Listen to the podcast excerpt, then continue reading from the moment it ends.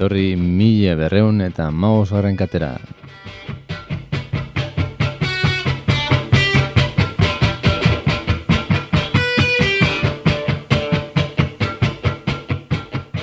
Kakain zona erratian zaude, laro gaita mezortzi puntu zero FM-an eta kakainzona.eus atarian.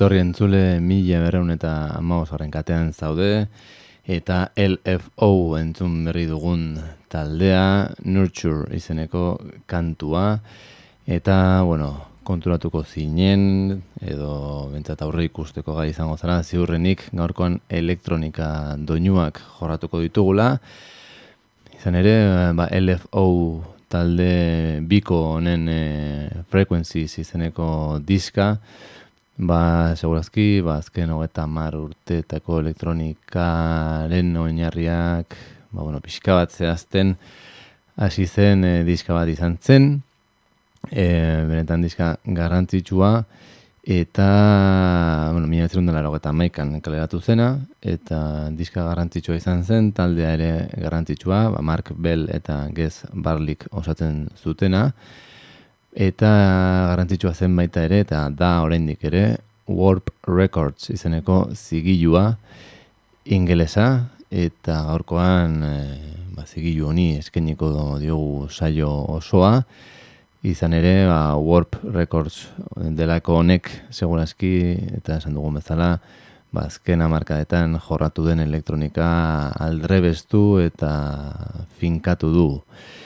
Ordu bete besterik ez daukagu eta musika dotore asko kaleratu du zigionek, beraz goazen beste abesti batekin, LFO-ren Nurture hau atzean utzi, eta Nightmare on Walks taldearen Mega Donuts izeneko abestia entzungu dugu, urte berekoa, mila atzirun eta laro eta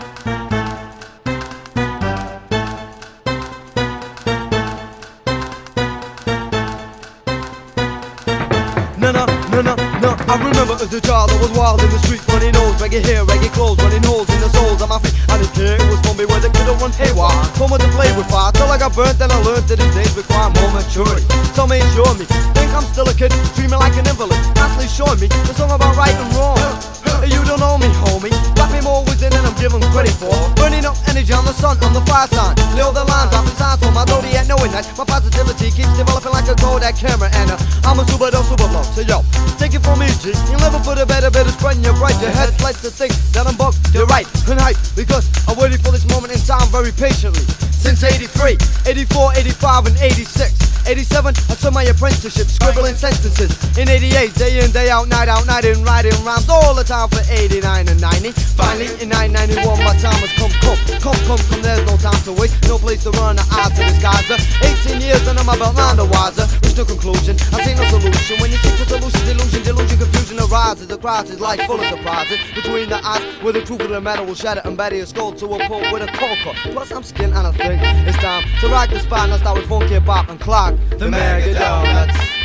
The mega donuts. Now I really don't care about kickers and flares. I'm out for big fat mega donuts. I ain't got to wait me, so it's time you pay me, baby. Big fat mega donuts.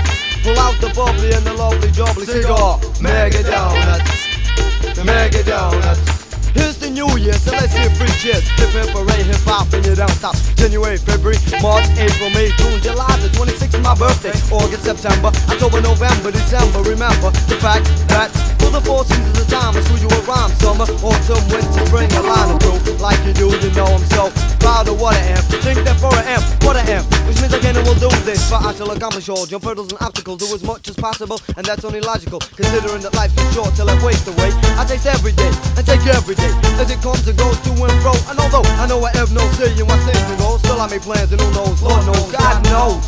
But why tomorrow? All these unseen on beats, on BB, whole B-ball beats, all the fact that only time can unfold the untold, unknown undergrowth a slope is the growth of a finer soul. So find your soul, or find a role port on board and play it out like an actor. Life is like a book, I look a learner, turn the chapters and pages, adapting, engaging, stages of aging. Well, all around me is changing. Things may change, but people remain the same. So much spoken, the little is game. The claim my opposites insane. The logic is in the brain. You must be mad if you know what I'm saying. Rocking the spot, and I start with funky pop the clock. The mega donuts. The mega donuts. The M to the E to the G to the A to the D to the O to the E to the N to the U to the T to the S to the B. I'm rocking the spot, that's how we funky about the clock. The mega donuts.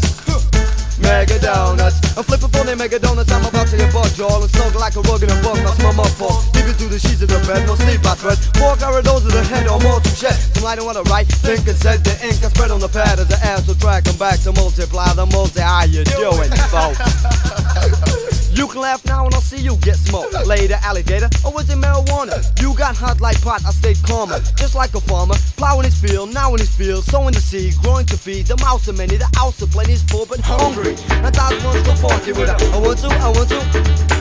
A bigger boo, them days are through with deja vu. I dedicate it to my crew. My man is the E, F, the T, Juicy B, Boogie B, Boy Wonder, Thunder, Sister, yo.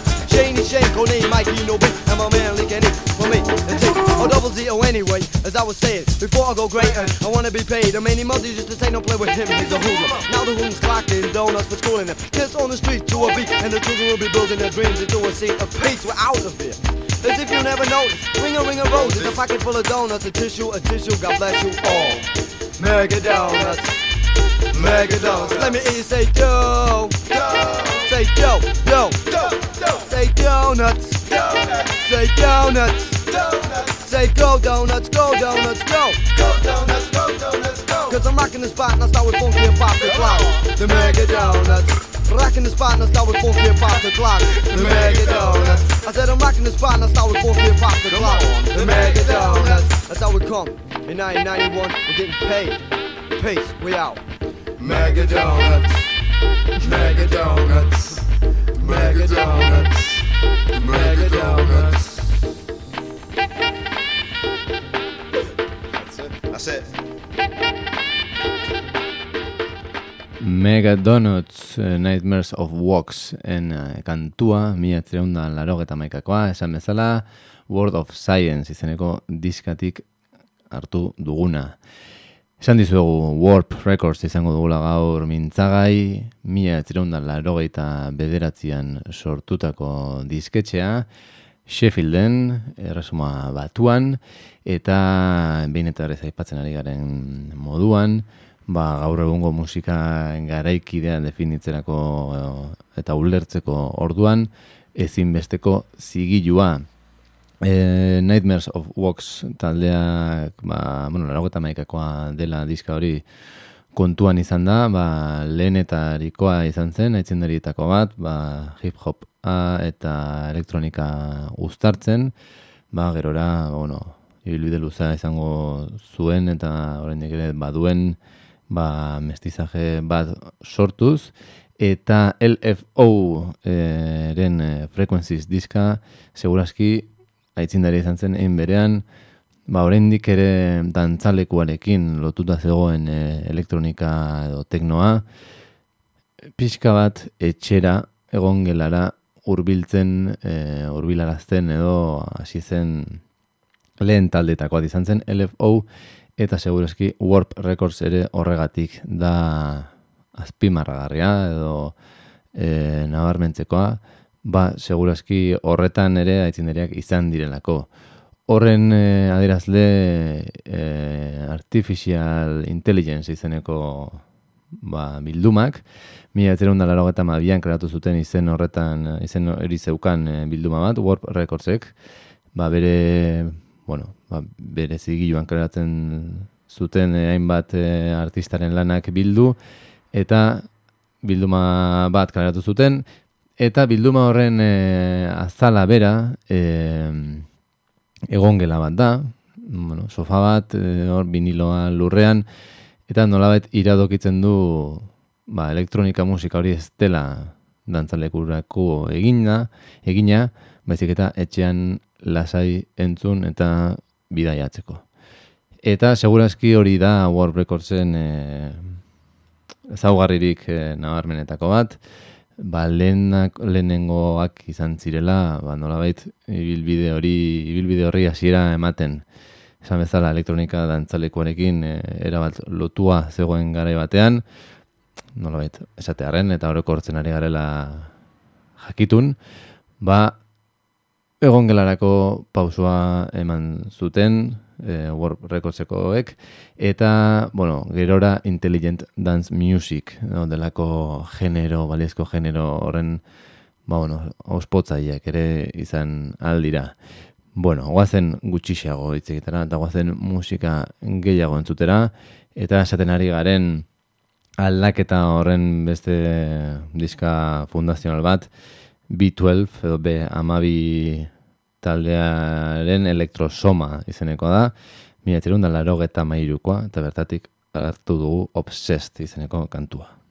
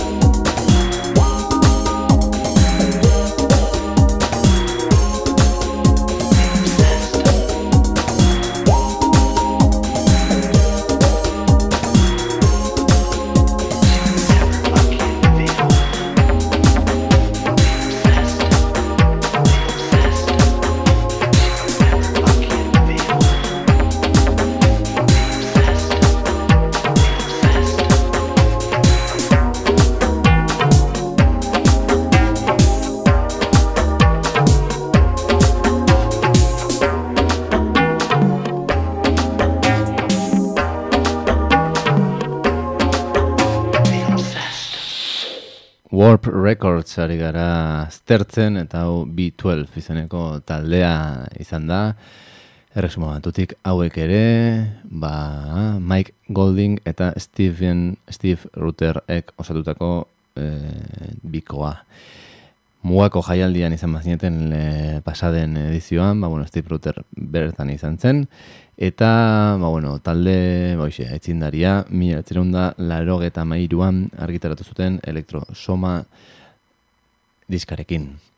Esaten ari natzaizue, tengabe, nolabait, e, ba, bueno, pixka bat, elektronikaren munduan e, aldaketak ekarri zituen zigilua dela Warp Records, eta, bueno, pixka bat, hasi iran jarrezkizu den kanto hauetan nabari da nolabait, dantzalekutik irteteko, bueno, irteten ari dela pixka bat, edo, bueno, ez dela betiko teknoa, badaukala beste, beste e, detaile batzuk edo badituela eta bueno, beste ikuspegi batetik eraikitako musika dela.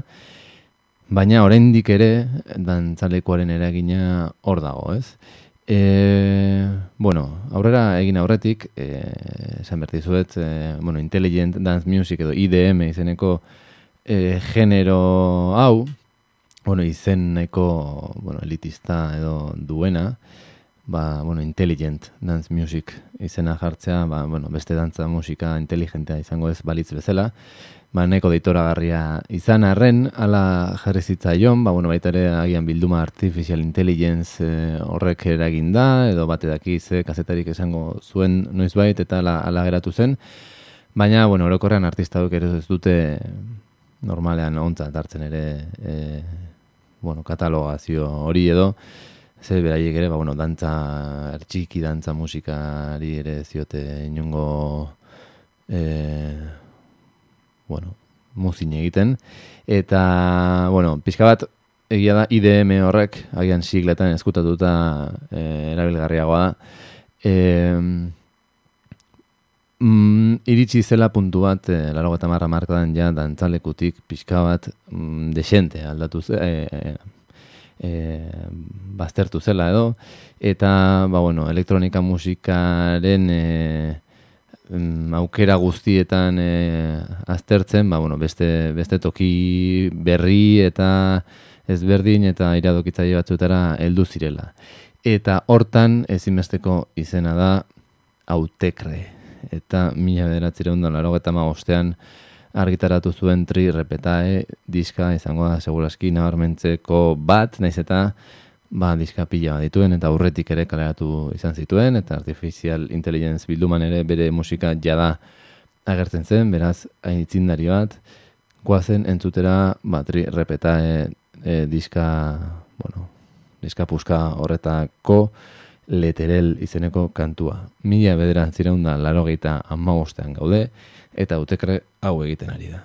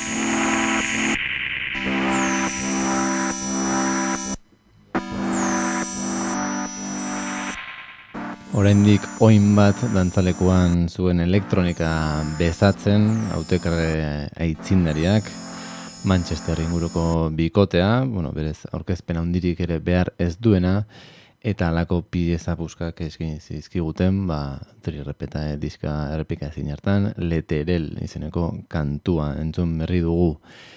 Esan bezala, e, oin bat dantzalekuan zuen elektronikak orduan, eta autekre bezalakoek, ba, pixka bat, gorputza astintzetik, e, bueno, garuna ere astintzera, e, zerbaitegatik batzuek nahiago izan dute brain dance e, horrelako etiketak erabili musika hau deskribatzeko.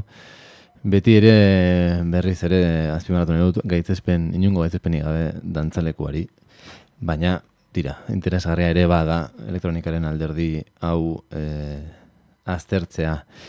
E, Laro eta margarren amarka erdian gaude, eta Warp Records ba, etengabe diska interesgarriak kaleratzen ari zen gara hartan.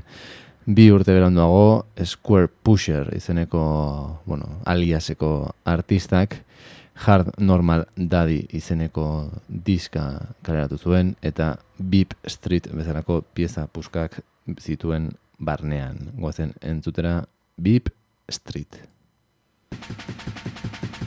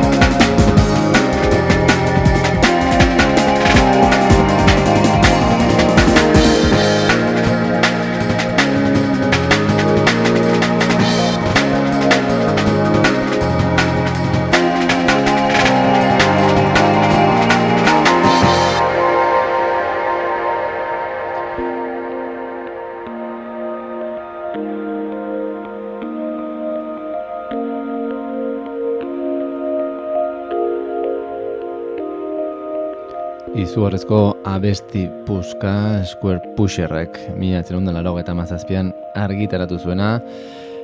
Beep Street eta Hard Normal Daddy diska ere benetan e, gozagarria oso anitza eta hainbat urte geroago landuko ziren e, generoen e, aitzindari.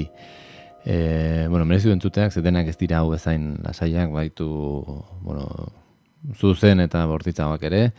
Eta benetan e, gomendatzeko diska.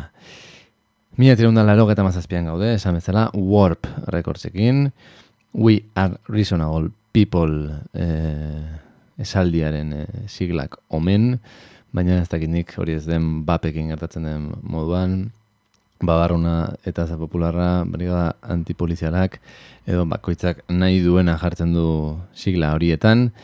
Ingelesez warp e, warp bihurritua edo esan nahi du eta bere bueno, bere zigiluaren barnean e, argitaratu du den hainbat musikak ba badu hortik, ez? Egia da konturatzen ari naiz, e, askotan irratsaio egin arte zara hortaz konturatzen, jaretak aukera ditu ditudan abestiak agian lasaixagoak direla, baina ez da guztiz horrela, ez da guztiz e, adieraz jarria egian e, zigiluaren musika ulertzeko, ze asko zer gauza enrebesatu hau eta badituzte, eta benetan gomendatzen dizuet, ba, zuek ere entzun ditazuen diska osoak eta eta barrera zaitezten mundu honetan, ze mundu izugarri handi zabal eta beratxa da, eta horren adierazgarri, ba, urte bat beranduago kaleratu zen e, maixulana, lehen urtean hogei urte egin baizituen, Music has the right to Children izeneko disko puska Boards of Canada eskoziarrek kaleratu zuten eta Rohibik bezalako kantu puska gordetzen ditu bere barruan.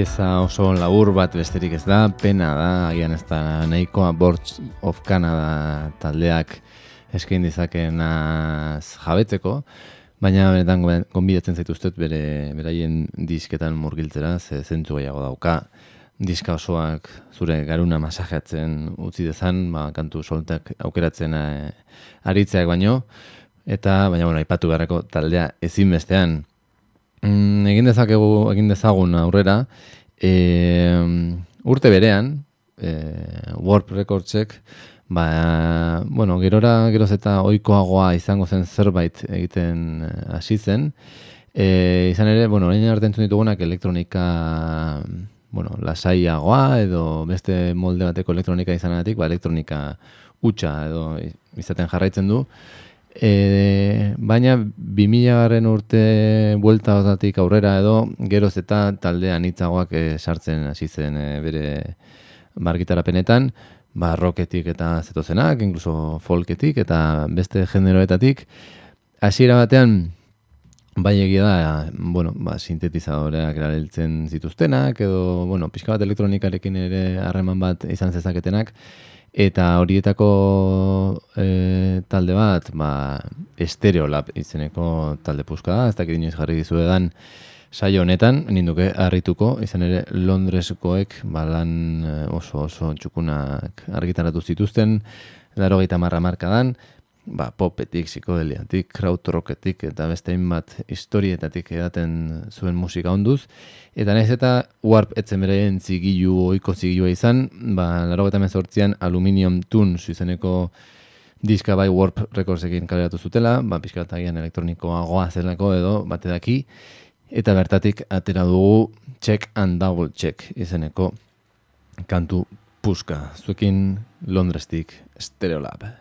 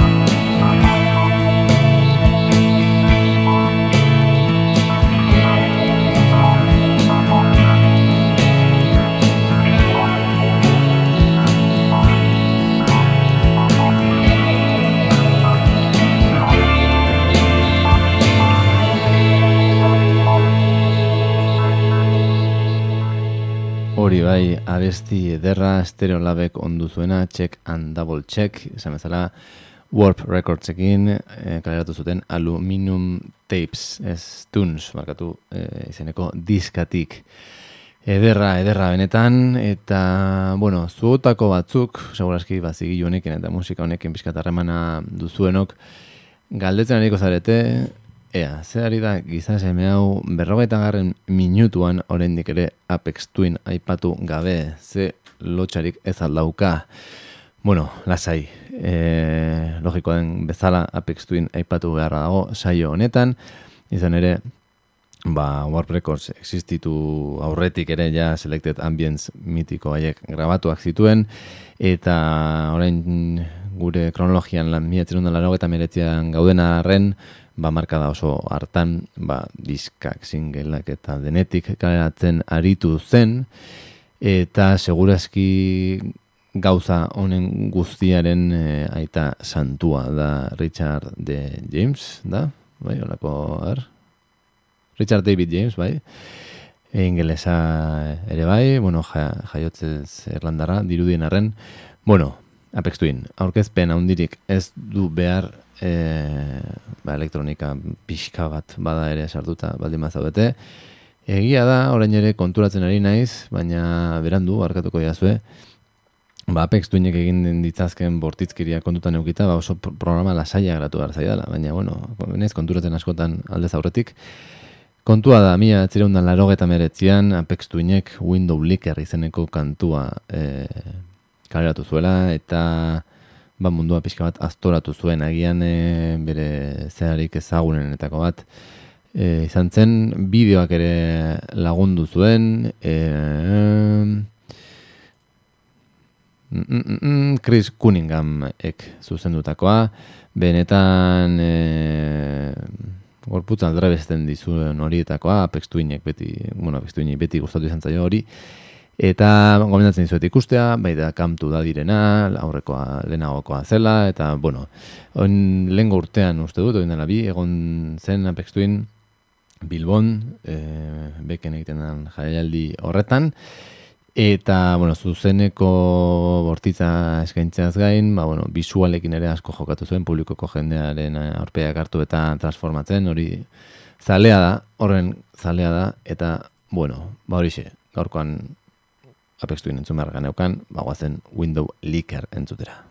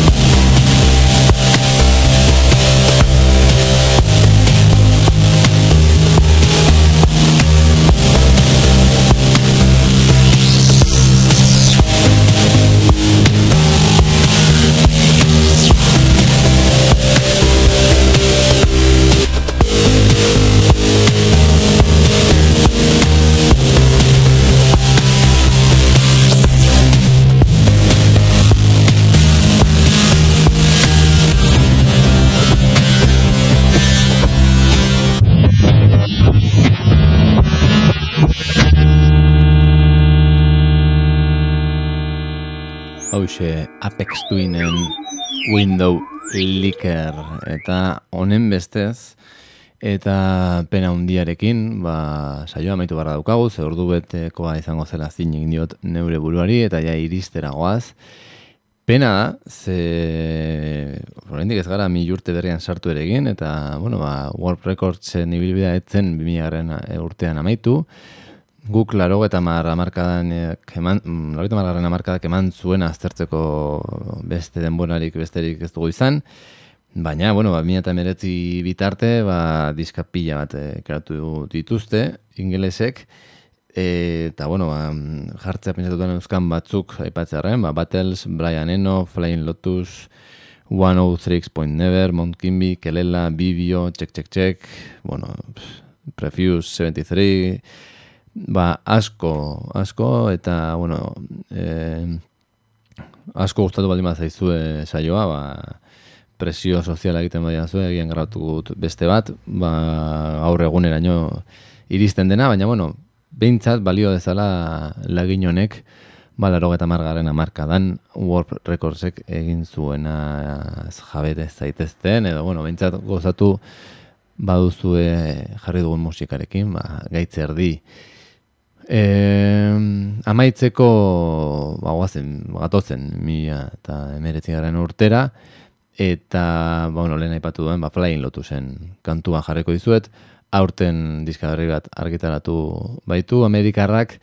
Eta gian ondo dago ikusteko ere ba, bueno, elektronikak, musika beltzak eta denetik eh, nazten du baita ere artista honek ba, bueno, ba, hori urtetan ere izan duen bilakaera, eta gaur egongo ba, artistarik eh, esan bat ere, bada Flying Lotus, tamen ba, bere lagun Thundercat ekin eh, osatu dako The Clean bizeneko kantua jarriko dizuet.